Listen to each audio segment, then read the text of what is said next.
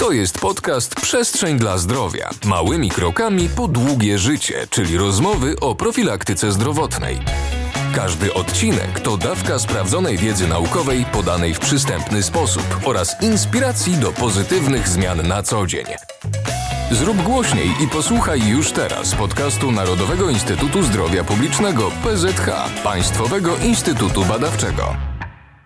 Dzień dobry, witam Was bardzo serdecznie i zapraszam na podcast Przestrzeń dla Zdrowia małymi krokami po długie życie. To jest bardzo wyjątkowy podcast, w którym z ekspertami i ekspertkami, zarówno z lekarzami, jak i z dietetykami i dietetyczkami rozmawiamy o tym, jak dbać o siebie na co dzień, żeby uniknąć przeróżnych nieprzyjemnych sytuacji, a przede wszystkim chorób, które mogą się przytrafić, na przykład jeżeli niezbyt dobrze się odżywiamy.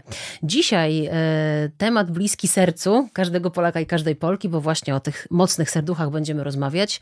Dietoprofilaktyka chorób sercowo-naczyniowych to mm, nasz wątek główny. Ja nazywam się Justyna Drzwik-Kluga, jestem dziennikarką i dzisiaj pytam wspaniały zestaw gości przy naszym podcastowym stole. E, lekarka, dr Anna Kiliszczyk, specjalistka chorób wewnętrznych i medycyny paliatywnej, przedstawicielka ośrodka działalności leczniczej Caritas Archidiecezji Warszawskiej i pewnie nie tylko. Dzień dobry pani doktor. Bardzo mi miło, dzień dobry. Jak serducho? W porządku? Mocno bije ze stresu, czy nie? Jeszcze nie, zobaczymy po pytaniach. A, to dobrze, dobrze, tego się trzymajmy. I człowiek, który jest właściwie sercem tego projektu, tak cię postrzegam, Baszer, bo nie pierwszy raz się tak naprawdę spotykamy, chociaż przy tym stole i w rozmowie e, pierwszy raz. Bashar El Helou, dietetyk i psychodietetyk, koordynator merytoryczny Narodowego Centrum Edukacji Żywieniowej, oczywiście w Narodowym Instytucie Zdrowia Publicznego PZH-PIP, bo to właśnie wasz podcast, to właśnie dzięki wam możemy przybliżać słuchaczom i słuchaczkom ważne treści związane z tym, jak się dobrze prowadzić jak dobrze y, żyć i jeść. Jesteś również wykładowcą akademickim, człowiekiem, który bardzo często w mediach e, pojawia się po to, żeby właśnie podpowiadać nam, jak dobrze funkcjonować. Witam cię serdecznie, dzień dobry. Witam, dzień dobry. Serce jak dzwon? Zobaczymy. Zobaczymy. Pani doktor, to zacznijmy od e, takiego zmapowania trochę tematu, mhm. bo mm, hasło choroby sercowo-naczyniowe dla przeciętnego Kowalskiego jest trochę enigmatyczne. Co się pod tym hasłem kryje? Serce jasne, ale o jakie choroby e, chodzi? Pod tym pojęciem kryje się tak naprawdę cała grupa chorób.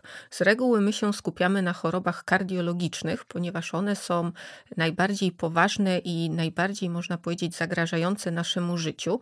Natomiast musimy też pamiętać o chorobach naczyniowych typu na przykład żylaki albo chociażby miażdżyca zarostowa tętnic kończyn dolnych, która też jest wykładnikiem miażdżycy uogólnionej.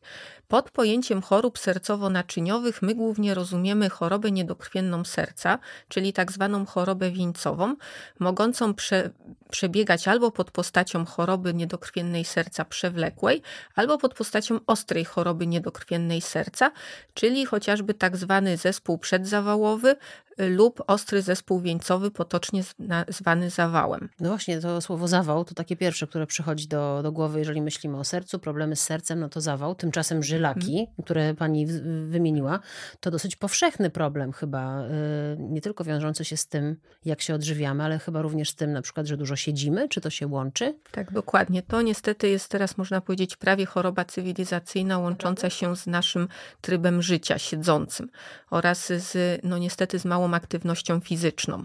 I na to tutaj też należy zwrócić y, ewentualnie uwagę. Jeśli mamy żylaki, powinniśmy się nimi bardziej zainteresować i na przykład udać się do specjalisty, do chirurga naczyniowego lub chociażby do lekarza pierwszego kontaktu celem porady. Ważna rzecz. E, powiedziała Pani, że żylaki stają się taką chorobą cywilizacyjną. Na ile różne choroby e, sercowo-naczyniowe są chorobami cywilizacyjnymi? Czy jest tak, że jest ich coraz więcej? Bo ja spotkałam się z takimi danymi, z których wynika, że co trzeci Polak umiera na choroby układu krążenia, w tym aż 85%, czyli naprawdę bardzo dużo e, chorych z powodu miażdżycy. I też są takie dane, z których wynika, że co roku tych problemów zdrowotnych jest więcej. Czyli to jest kwestia naszego stylu życia, czasów, stresu. Tak, dokładnie. Ilość chorób sercowo-naczyniowych wzrasta. E, wzrasta rozpowszechnienie choroby niedokrwiennej serca, wzrasta również rozpowszechnienie chociażby nadciśnienia tętniczego i niewydolności serca, e, jak również arytmii, chociażby pod postacią migotania przedsionków. E, jest to kwestia po pierwsze naszego trybu życia, kwestia narażenia na stres oraz również kwestia, o czym tutaj pewnie pan Baszar powie więcej, kwestia naszego odżywiania, tak, i tutaj naszej diety, jak również kwestia naszej aktywności fizycznej lub raczej jej braku.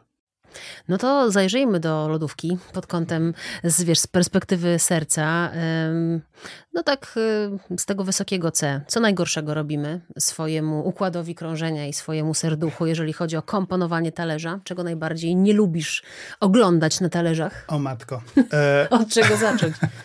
Ogólnie, jeżeli spojrzymy na choroby sercowo-naczyniowe, można zobaczyć w nich um, każdy aspekt medycyny stylu życia, który um, jakby wypadałoby trochę poprawić, aby um, uniknąć tych chorób. Więc mówimy o aktywności fizycznej i o unikaniu stresu, i unikaniu używek, i odpowiedniego snu. Wszystko to, jeżeli jest nieodpowiednie, niewystarczające, może właśnie doprowadzić do zwiększonego ryzyka e, takich e, chorób sercowo-naczyniowych. Z punktu widzenia dietetycznego, właśnie talerza, to już wszystko zależy od tego, czy mówimy o osobach zdrowych celem pierwotnej profilaktyki, czy osoby, u których już się pojawiają pierwsze objawy. Zacznijmy od zdrowych. Mhm. Właśnie to jest najlepsze, naj, naj, najbardziej ogólne podejście do tematu. E, model e, talerza zdrowego żywienia, o którym wielokrotnie tutaj wspominaliśmy, opracowany właśnie przez nasz Narodowe Centrum Edukacji Żywieniowej, e, dyktuje nam skomponowany taki posiłek, żeby był zbilansowany, dostarczał wszystkiego, czego trzeba, w tym ochronnych składników. Więc na tym talerzu, pewnie będę powtarzał po poprzednich odcinkach, połowa talerza to są warzywa i owoce. One nam dają przede wszystkim objętości w tym posiłku, ale przy okazji dostarczają nam witamin, składników mineralnych i przy okazji dużej ilości antyoksydantów, które będą zwalczały pierwotne stany zapalne, które leżą u podłoża bardzo wielu chorób właśnie sercowo-naczyniowych, między innymi e, miażdżycy. E, więc tutaj warzywa i owoce działają również ochronnie. Dodatkowa ćwiartka na tym talerzu to są produkty białkowe, więc odpowiedni wybór produktów białkowych, na przykład nie skupiając się wyłącznie na mięsie, ale łącząc różne produkty, wybierając chudsze mięso, lepsze jakościowo, redukując mięso wysoko przetworzone, jedząc regularnie ryby, spożywając jajka, e, czy również uwzględniając regularnie białko źródła roślinnego, mhm. więc nasiona roślin strączkowych, orzechy, nasiona, produkty mleczne o obniżonej e, zawartości tłuszczu, nie zerowej, obniżonej, więc urozmaicamy źródła białka, ale to wszystko ma być ćwiartka naszego talerza. A ostatnia ćwiartka to są właśnie produkty węglowodanowe, te, które dostarczają nam przede wszystkim e, energii. E, więc tutaj liczymy przede wszystkim na grupę e, produktów zbożowych pełnoziarnistych, takie jak kasze, płatki pełno, pełnoziarniste, pieczywa e, razowe pełnoziarniste i tak dalej, ale do tego również włączamy inne produkty, takie stricte węglowodanowe, typu ziemniaki. Więc układ takiego talerza sprawia, że jesteśmy najedzeni, mamy energię w odpowiednim układzie, czyli taka, która jest z węglowodanów zarówno prostych, jak i e, złożonych, więc rozkłada się w czasie wolniej, nie dając nam skoków e, stężenia glukozy we krwi i białko daje nam sytość. To Zatrzymajmy się na bilans. sekundę, bo to mm. tak, y, ja muszę przyznać, że odkąd nagrywam wasz podcast, to już nie mogę normalnie patrzeć na talerz, bo ja cały czas patrzę, czy te proporcje się zachowują i to jest akurat świetny efekt. Mm. I nigdy dość mówienia o tym, jak ten talerz y, powinien wyglądać, ale chciałabym sprofilować też to konkretnie pod kątem serca i chorób właśnie sercowo-naczyniowych. To znaczy, mm. wspomniałeś słowo używki. Mm. Ja tutaj sobie popijam kawkę, jak z wami rozmawiam i od razu zastanawiam się, czy to jest bardzo źle. Kawa, czarna herbata, alkohol to o tym nie mówię mówimy, chociaż w którymś momencie może się pojawi. Kawa, czarna herbata, na ile to jest bardzo niebezpieczne dla serca, dla układu mhm. naszego krwionośnego. Pamiętam takie mm, nawet wujkowe powiedzenie, weź ty nie pij tak tej kawy, bo ci pikawa strzeli, tak? Pamiętacie takie pikawa, tak się mówiło. Na ile to rzeczywiście ta pikawa jest zagrożona, kiedy mhm. pijemy mhm. kawy za dużo? Co to znaczy za dużo? Jak to jest? Akurat z kawą szczególnie jest trochę trudno, jeżeli wgłębimy się w badania naukowe. Czyli ponieważ zaczyna się to zależy. Teraz jest Niestety. E, ponieważ w zależności od tego, na co patrzymy, jaki aspekt kawy, w jakim kontekście jest to sprawdzane, wychodzą bardzo zróżnicowane wyniki. Jedna z większych metaanaliz ostatnich lat, e, jeżeli chodzi o spożycie kawy, wykazało takie wyniki, z których nic nie jesteśmy w stanie wyciągnąć. Że na przykład trzeba pić do dwóch kaw dziennie albo powyżej ośmiu. Więc nic z tego nie wynika dla przeciętnego człowieka, ze względu na to, że tutaj wzięli bardzo szeroki aspekt spojrzenia na spożycie kawy. Pod względem spożycia kawy, e, jakby jeżeli myślimy w kategoriach zdrowia układu sercowo-naczyniowego, to wszystko zależy od tego, czy już mamy e, osobę chorą, czy nie. Jeżeli już występuje naciśnienie tętnicze, to na przykład kawa nie jest wskazana, ponieważ e, kofeina bezpośrednio będzie zwiększała nam e, to ciśnienie tętnicze i to samo dotyczy kawy, znaczy, przepraszam, Czarnej mocnej, herbaty. mocnej Mhm. czarnej herbaty, nie tylko czarnej, ale właśnie tego typu napojów, tak yerba mate i tym podobne. A zdrowa dawka kawy dla osoby zdrowej, jest coś takiego? Okej, dobrze, tutaj to się wytnie. Ja tutaj zostawimy, ekspert westchnął. Pani doktor, kiedy pani patrzy na pacjentów, e, którzy zgłaszają się z różnego rodzaju problemami właśnie ze strony układu krwionośnego, czy właśnie sercowo-naczyniowymi chorobami, co jest największym grzechem? Czy można w ogóle powiedzieć? Czy to jest na przykład to, że są otyli, to, że się źle odżywiają, czy to, że palą papierosy, czy to, że prowadzą e, siedzący tryb życia, czy wszystko jest wymieszane? Czy można na przykład powiedzieć, że Polacy najgorzej sercu robią, bo źle jedzą? Czy, czy nie ma takiego prostego przełożenia? Znaczy, należy przede wszystkim zacząć od tego, że my, jako populacja polska, jesteśmy w grupie zwiększonego ryzyka sercowo-naczyniowego i o tym musimy pamiętać. A dlaczego? Z tego względu właśnie, że jest to kwestia niestety, ale po pierwsze odżywiania, a po drugie też kwestia naszej, wydaje mi się, aktywności fizycznej. Ja jako nasz największy grzech bym w tym momencie e, wymieniła brak aktywności fizycznej, e, z której mogą wynikać różne następne problemy. Chociażby przyrost masy ciała e, lub zwiększona masa ciała prowadząca do otyłości. Należy sobie na przykład zdać sprawę, że w wytycznych Europejskiego Towarzystwa Kardiologicznego z 2021 roku tam nie było podane BMI ani obwód pasa, jaki my tutaj potrzebujemy żeby, nie wiem, stwierdzić, czy dana osoba w ramach profilaktyki, do których, do których tych wartości dana osoba w ramach profilaktyki powinna dążyć, tylko było podane, że już zmniejszenie masy ciała o 5-10% wpływa korzystnie zarówno na nasz cholesterol, jak i na naszą glikemię, czyli nasz poziom cukru we krwi e, oraz y, również na poziom naszego ciśnienia tętniczego. Więc w tym momencie, nawet zmniejszając masę ciała, o 5-10% o od tego, co mamy, czy 5-10% od 50... tego, co mamy. Mhm. Od tego, co mamy. Przy założeniu, że mamy za dużo, tak? Przy założeniu, tak, przy założeniu, że mamy pewnego rodzaju nadwagę czy już otyłość. Jasne. W związku z tym dla mnie w tym momencie to, nad czym trzeba pracować w polskiej populacji, to jest przede wszystkim zwiększenie aktywności fizycznej. Zgodnie z zaleceniami, jeśli mamy osobę dorosłą, zdrową, to powinniśmy albo starać się ćwiczyć lub wykonywać taką aktywność fizyczną stopniu umiarkowanym 150 minut tygodniowo, z dążeniem do 300 minut tygodniowo, lub jeśli jest to y, wysiłek już wyższego stopnia, to zaczynamy od 75 minut tygodniowo i dążymy do 150. Przy czym oczywiście, jeśli osoba jest starsza, jeśli ma jakieś choroby towarzyszące, Oczywiście, no to to w tym momencie wykonuje taki wysiłek w takim zakresie, taką aktywność fizyczną, jaką jej organizm jest w stanie znieść.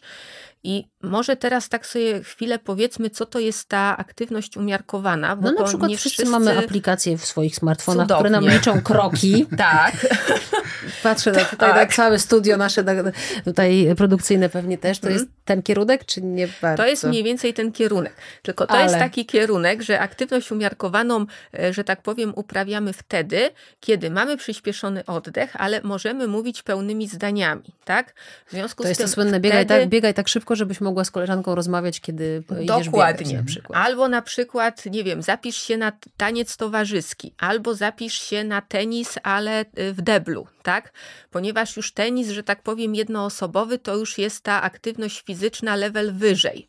Okej. Ponieważ, tak, też typu czynności takie domowe, typu, nie wiem, sprzątanie, koszenie trawnika, w momencie jak możemy mówić pełnymi zdaniami, to jest też właśnie taka aktywność fizyczna umiarkowana. Te Natomiast... domowe to się słabo liczą niestety. To doświadczenie jest takie. Masz, chciałeś coś Nie, uzupełnić? chodzi o to, że właśnie ta skala, żeby odnieść to zawsze do siebie, a nie na zasadzie, że tyle i tyle minut trzeba biegać. Dokładnie. Ponieważ to nie ma, nie ma przełożenia na każdą osobę. Jak ktoś jest lepiej wytrenowany, dla niego taki tenis w deblu Mhm.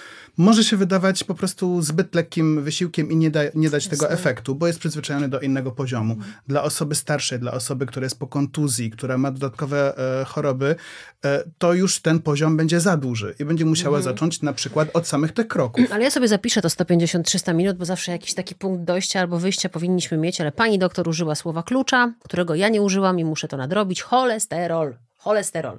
Baszar. Jaki jest jego związek z chorobami, czy z profilaktyką, właściwie dietoprofilaktyką chorób sercowo-naczyniowych i jak to jest z tym dobrym cholesterolem, złym, czy ten zły nam zabija serce, a dobry nam wzmacnia serce? Powiedz trochę.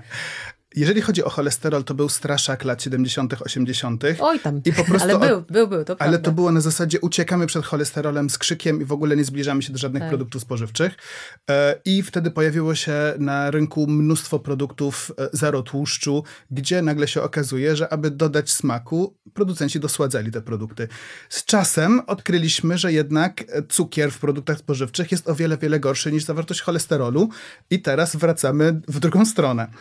Ogólnie cholesterol, który spożywamy, różni się od cholesterolu, który krąży w naszych e, żyłach.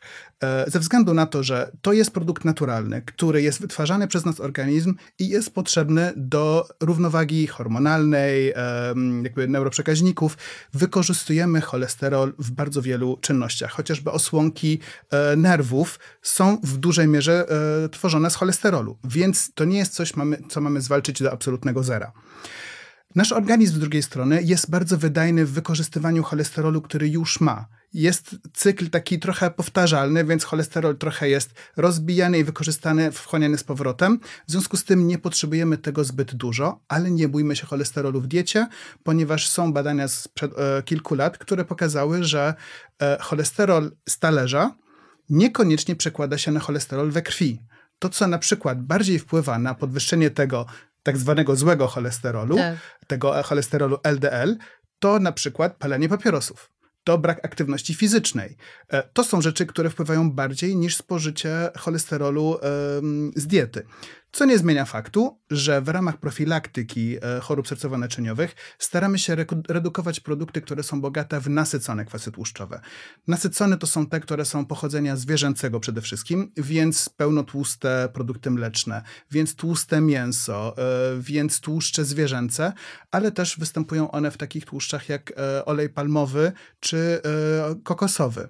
Do mięsa Mhm. wrócimy i poświęcimy mu nawet taką osobną część naszej rozmowy, ale ja patrzę na panią doktor i myślę sobie o takich dwóch ciekawych rzeczach, e, które, o których się dowiedziałam, szykując się do tego nagrania, do tego podcastu. Pierwsza jest taka, że mówi się, że choroby sercowo-naczyniowe to jest zmora kierowców. Czy to prawda Mhm. i dlaczego, jeżeli to prawda?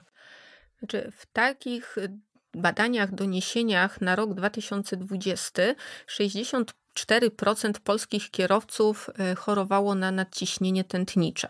Ale mówimy o kierowcach taksówek, O- czy nie, mówimy o każdym, mówimy- kto ma samochód? Mówimy, czy... mówimy o kierowcach, którzy krótko mówiąc poświęcają pewną część życia jeździe. I to nie musi być kierowca zawodowy typu Okej. kierowca prowadzący ciężarówkę tiry, tak?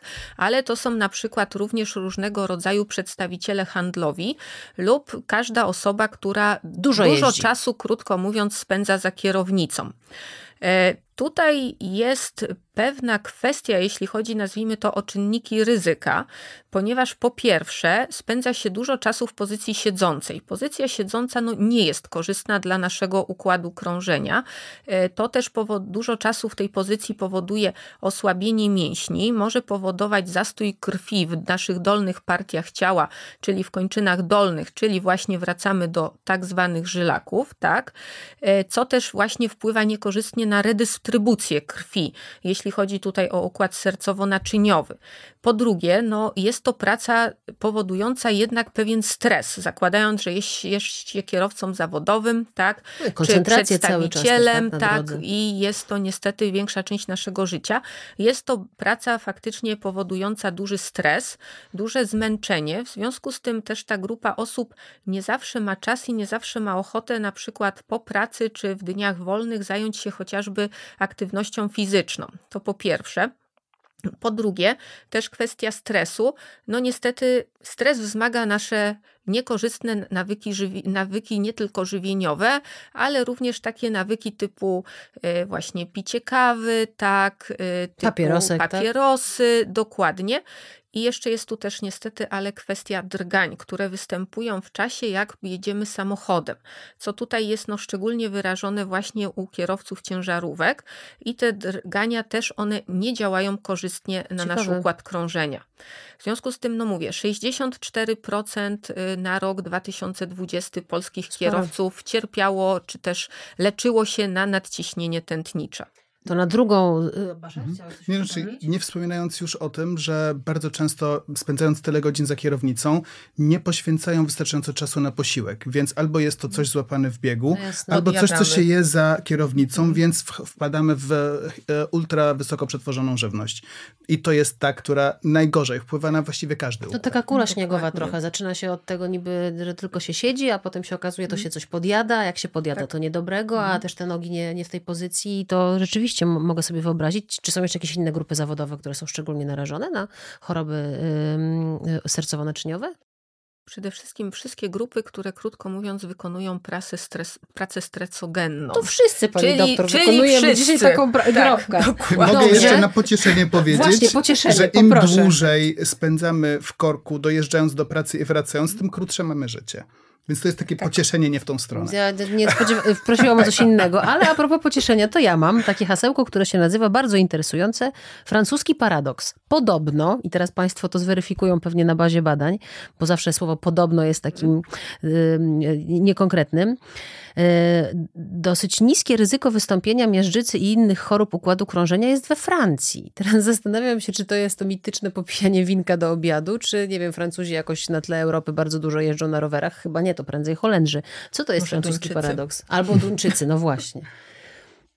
Francuski paradoks to jest takie pojęcie, które pierwszy raz zaistniało w 1992 roku. Użył go pan profesor Reynaud, który zauważył, że Francuzi, mimo tego, że e, jedzą relatywnie dużą ilość czy to serów, czy śmietany, czy mięsa, Bagietki, mimo białe wszystko, bułki, kto to widział? Dokładnie. Mimo, mimo wszystko mają mniejsze ryzyko e, chorób sercowo-naczyniowych. I to faktycznie zostało potem potwierdzone w pięcioletnim badaniu takim na populacjach, e, że faktycznie populacja francuska ma to ryzyko chorób sercowo-naczyniowych zmniejszone. Ciekawe.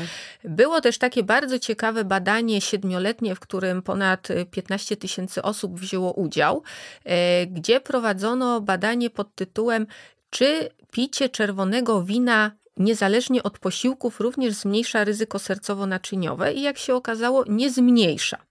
W związku z tym, jeśli chcemy sobie zmniejszyć ryzyko sercowo-naczyniowe, powinniśmy jeśli już się decydujemy, spożywać wino, krótko mówiąc, do posiłków, tak? Ponieważ wtedy jest to kwestia e, wpływu na wchłanianie lipidów chociażby, tak? Oraz też kwestia wpływu e, na ciśnienie krwi, tak? Związane Jasne. właśnie z posiłkiem. No to a propos wina, Baszer, też a propos diety. Mhm. Wiadomo, że y, mówi się, że nie ma bezpiecznej dawki alkoholu, tak? No właśnie, to jest to Chciałeś wielkie to ale, które musi mhm. tutaj wybrzmieć. Światowa Organizacja Zdrowia właśnie na podstawie wielu badań populacyjnych stwierdziła, że nawet jeżeli e, wpływ alkoholu może być relatywnie korzystny w niektórych sytuacjach, to ogólny efekt alkoholu na organizm człowieka nie jest korzystny. Mhm. W związku z tym nie istnieje e, jakby bezpieczna dawka tego alkoholu. Ale co jest ciekawe, jakbyśmy spojrzeli na zalecenia żywieniowe różnych krajów, jak popatrzymy na takie referencyjne zalecenia, to ciężko jest nam się połapać, ile właściwie tego alkoholu powinno się spoży e, spożywać, ponieważ w niektórych liczone są inaczej jednostki. W jednym kraju mówią o dwóch jednostkach dziennie, w innym no, dwu, dwóch jednostkach tygodniowo. To jest co, W innym mamy 12. Więc co to jest jednostka? Nie ma tutaj spójnej skali, więc tutaj ciężko do tego alkoholu się odnieść. Ogólnie dążymy do tego, żeby alkohol zredukować w miarę możliwości, a jeżeli myślimy w kategoriach um, antyoksydantów, które e, są mhm. zawarte w czerwonym winie, to zdecydowanie lepiej jest, żeby uniknąć efektu złego alkoholu, e, spożywać je razem z winogronami czarnymi albo czerwonymi i istotne jest, żeby tutaj i skórka była ciemna mhm. i sam miąższ był e, ciemny, ponieważ wtedy mamy zdecydowanie większą zawartość tego resveratrolu, który również działa ochronnie na układ sercowo-naczyniowy. To skoro rozprawiamy się z różnymi mitami, to też pogadajmy trochę o mięsie. Mhm. Mięso, które jest takim antybohaterem ostatnich e, lat, mhm. chyba słusznie, również pod kątem produkcji, zanieczyszczenia też środowiska tą produkcją, no i tego niehumanitarnego wątku. Bardzo wiele osób przechodzi na dietę roślinną, wegańską, wegetariańską, ale właśnie coraz częściej też wegańską.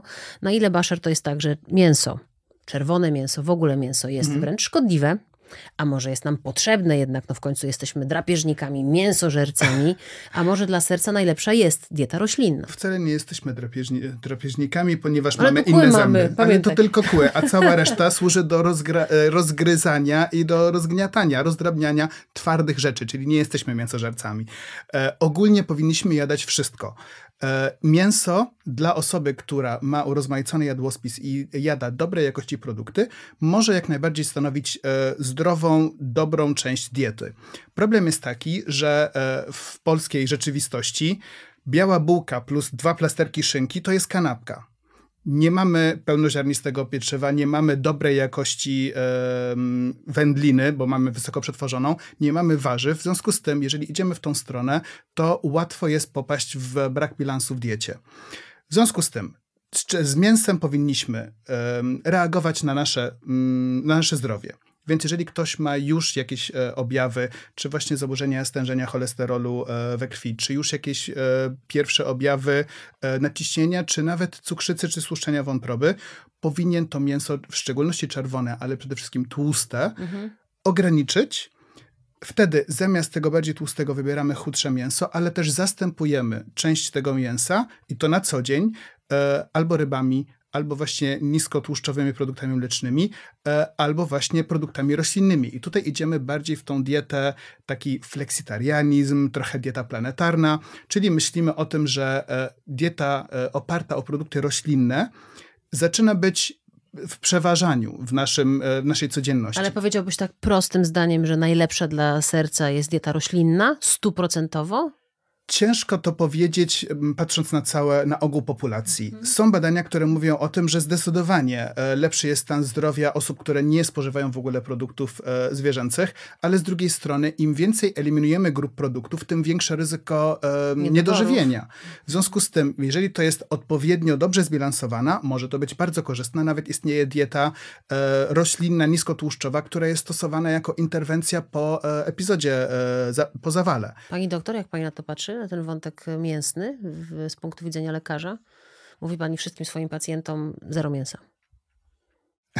Nie do końca. Mówią z reguły wszystkim moim pacjentom, żeby starali się jeść mięso chude, tak jak mhm. tutaj pan Baszar zaznaczył, żeby to mięso też było poddawane odpowiedniej obróbce, tak? Żeby ono było gotowane, nie wiem, na wodzie czy na parze, tak? No teraz są takie różnego rodzaju Magiczne możliwości, dokładnie. Elementy kuchni. Te, tak, absolutnie. dokładnie. Różnego rodzaju urządzenia, z których możemy korzystać. Może niekoniecznie grill, tak? Tak, nasz polski na balkonie z piwem do tego i kiełbasą, to tutaj może niekoniecznie, tak?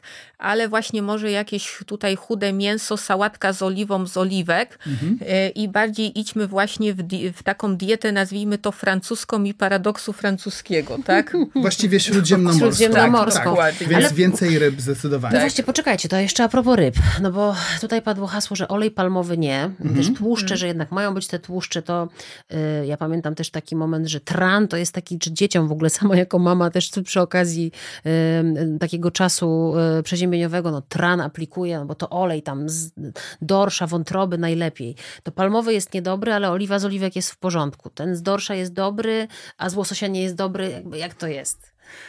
Ogólnie, jeżeli pomyślimy o diecie, czyli jak myślimy raczej o talerzu, a nie o tabletkach, to pomyślmy o rybach tłustych ponieważ właśnie te kwasy omega-3, które są zawarte e, w tłustych rybach, Łosoś, będą działać bardzo szeroka gama, ale również i rodzime e, śledzie i e, makrela też również zawierają te kwasy omega-3 i one są tanie, ogólnodostępne i nie musiały prze, przejechać przez cały świat, więc też ich wpływ na planetę jest mniejszy.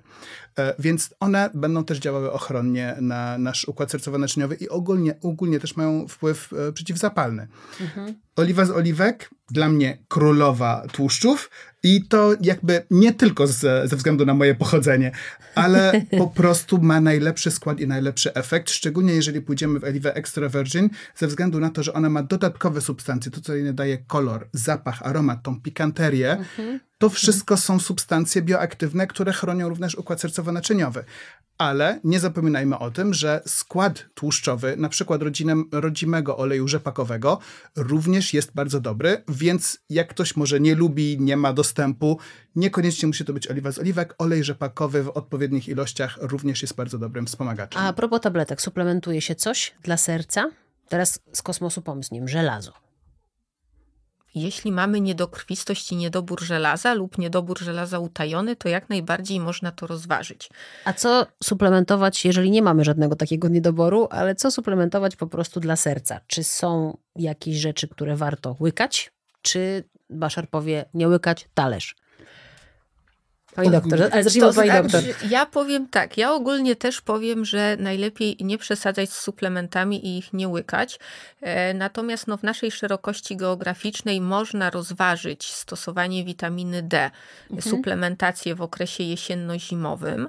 E, to już w tym momencie zależy od na przykład naszego poziomu triglicerydów, jeśli zrobimy sobie przypadkiem lipidogram, e, bo jeśli mamy podwyższony, możemy suplementować kwasy omega-3 tutaj. E, natomiast jeśli chodzi o suplementację, nie wiem, witamin, multivitamin, tak, właśnie żelaza, kwasu foliowego, no to myślę, że tutaj się zgodzimy, że to można wszystko zbilansowaną dietą nadrobić. Dokładnie, stosujemy podejście food first. Zaczynamy zaczynamy od poprawy talerza, staramy się wszystkie składniki odżywcze uzyskać właśnie z naturalnych produktów spożywczych, a dopiero jeżeli wykazujemy jakiś niedobór, to wtedy suplementujemy. To nie jest e, magiczny środek tak jak w Stanach Zjednoczonych niestety do tematu podchodzą. Biorą całe garści suplementów, bo myślą, że w ten sposób zrównoważą złą dietę. To, to tak doprowadza do mm, jakby zatrucia tymi, tymi suplementami. Nie, tego mhm. American Dream nie chcemy. To nie, nie jest ten American Dream. Mhm. Drodzy Państwo, na podsumowanie mm, o tym, jak mieć serce jak dzwon. Wiem, że pani doktor ma takie mhm. badania, z których wynika, że Polacy mają troszkę stare serca. No tak, tak. Było takie badanie, takie badanie było przeprowadzone przez Natpol w 2011 roku. Ono już jest dosyć stare, ale było takie badanie ale epidemiologiczne, tak, które bardzo interesująco wykazało, że no niestety, ale serce Polaków jest tak średnio 8-9 lat starsze od ich wieku metrykalnego. I tutaj warto też zaznaczyć, że u kobiet i u mężczyzn to starzenie serca przebiega troszkę inaczej, bo o ile panie w wieku 30 lat mają faktycznie serce 30-latki. 30-latki, tak. O tyle panowie już w tym momencie mają serce 35-latka. E, Natomiast potem niestety już tak od wieku 40 lat u pań starzenie się serca przyspiesza. W wieku 40 lat mamy niestety, nasze serce ma tak około lat 50, a trzeba też sobie zdawać sprawę, że w momencie jak kobieta skończy 70 rok życia, to jej serce może nawet być w wieku lat 95. Dobrze, to nie chcemy w tego kierunku. Z tym należy zwrócić na nie uwagę właśnie działaniami różnego rodzaju profilaktycznymi, e, żeby być może tutaj następne badanie, jeśli będzie, wypadło zdecydowanie lepiej w to, naszej populacji. To nie zmieniam w takim razie moje pytanie na koniec. Nie jak mieć serce jak dzwon, mm tylko jak mieć młode serce w takim razie. To pani mhm. doktor, dwie rzeczy, o których warto pamiętać. Z punktu widzenia lekarza. Mm, ja bym przede wszystkim powiedziała o aktywności fizycznej. To po pierwsze. E, I ja jako lekarz bym też mimo wszystko proponowała badania profilaktyczne, które no, możemy sobie od czasu do czasu zrobić. E, teraz jest chociażby taki program profilaktyczny, profilaktyka 40 plus dla osób powyżej 40 roku Mój życia. mąż właśnie robi, dostał telefon z przychodni i właśnie Super. przysięgam, że jest Super. taka sytuacja, tak. naprawdę. Tak. Natomiast my możemy sami bez telefonu z przychodni w razie czego na Super. pacjent gov wypełnić ankietę i dostajemy wtedy wirtualne skierowanie na badania. Tam poza no, badaniami takimi typu morfologia czy chociażby PSA u panów jest glukoza, jest lipidogram. Również jak idziemy do poradni to powinniśmy mieć zmierzone ciśnienie, zmierzony tutaj, zmierzone BMI obwód pasa, to też wchodzi w, tutaj w część tego badania i z wynikami, w razie czego należy udać się do lekarza pierwszego kontaktu. E, jeśli chodzi o takie programy już powiedzmy bardziej związane z przychodniami, to jest e, profil, program profilaktyczny chorób z układu sercowo-naczyniowego, tak zwany HUK. To jest taki skrót. E, tutaj od 35 roku życia możemy wziąć w nim udział do 65 w przychodni. Tutaj mamy oznaczenie też glukozy, lipidogramu, pomiary ciśnienia oraz również ankietę na temat naszej aktywności fizycznej, z którą no, następnie udajemy się na wizytę e, do naszego lekarza e, w ramach podstawowej opieki zdrowotnej. Badania aktywność fizyczna. Tak. Dla młodego serca. Baszar, od ciebie? Dla młodego serca? Zadbajmy o profilaktykę. Trochę zmodyfikujmy talerz pod kątem właśnie potrzeb e, serca, czyli redukujmy zdecydowanie sól. Jest to w okolicach talerza, ale jest to bardzo istotne. Redukcja soli i wszystkiego, co zawiera sodu, w tym wysoko przetworzone mięso do, dobierajmy dobrej jakości tłuszczy do naszej diety, więc oliwa z oliwek, olej rzepakowy, ale nie zapominajmy o orzechach, e, pestkach, nasionach i tak dalej, bo to wszystko dostarcza dobrych tłuszczów. E, pamiętajmy o ilości warzyw i owoców, szczególnie w wersji surowej albo krótko obrabianej e, termicznie. Dzięki temu zachowamy największą e, wartość odżywczą tych, e, tych produktów.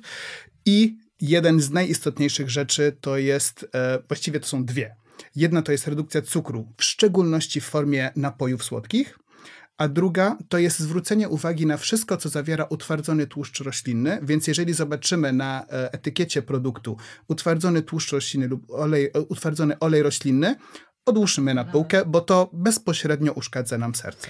A po podcaście zapraszam na spacer. Bardzo Państwu dziękuję za spotkanie. Dziękuję. Chyba, że e, ci z Was, którzy nas słuchali, e, robili, tego, robili to podczas spaceru. Przecież podcastów można słuchać w przeróżnych sytuacjach. To Dokładnie. może być e, dobry pomysł, żeby akurat tego podcastu Przestrzeń dla Zdrowia małymi krokami po długie życie słuchać właśnie podczas jakiejś aktywności fizycznej. Dzisiaj o dietoprofilaktyce chorób sercowo-naczyniowych pani doktor Anna Kiliszczyk i Bashar El Helou. Bardzo pięknie Wam dziękuję. Dużo zdrowia, do zobaczenia, do mhm. usłyszenia zobaczenia. E, państwu również i Wam do zobaczenia i do słyszenia i dużo zdrowia. Do następnego razu. To był podcast Przestrzeń dla Zdrowia. Małymi krokami po długie życie. Dziękujemy za wysłuchanie do końca. Jeżeli podobała Ci się ta rozmowa, koniecznie powiedz i prześlij ją swoim bliskim. Obserwuj nas, aby nie ominęły Cię kolejne odcinki. Do usłyszenia.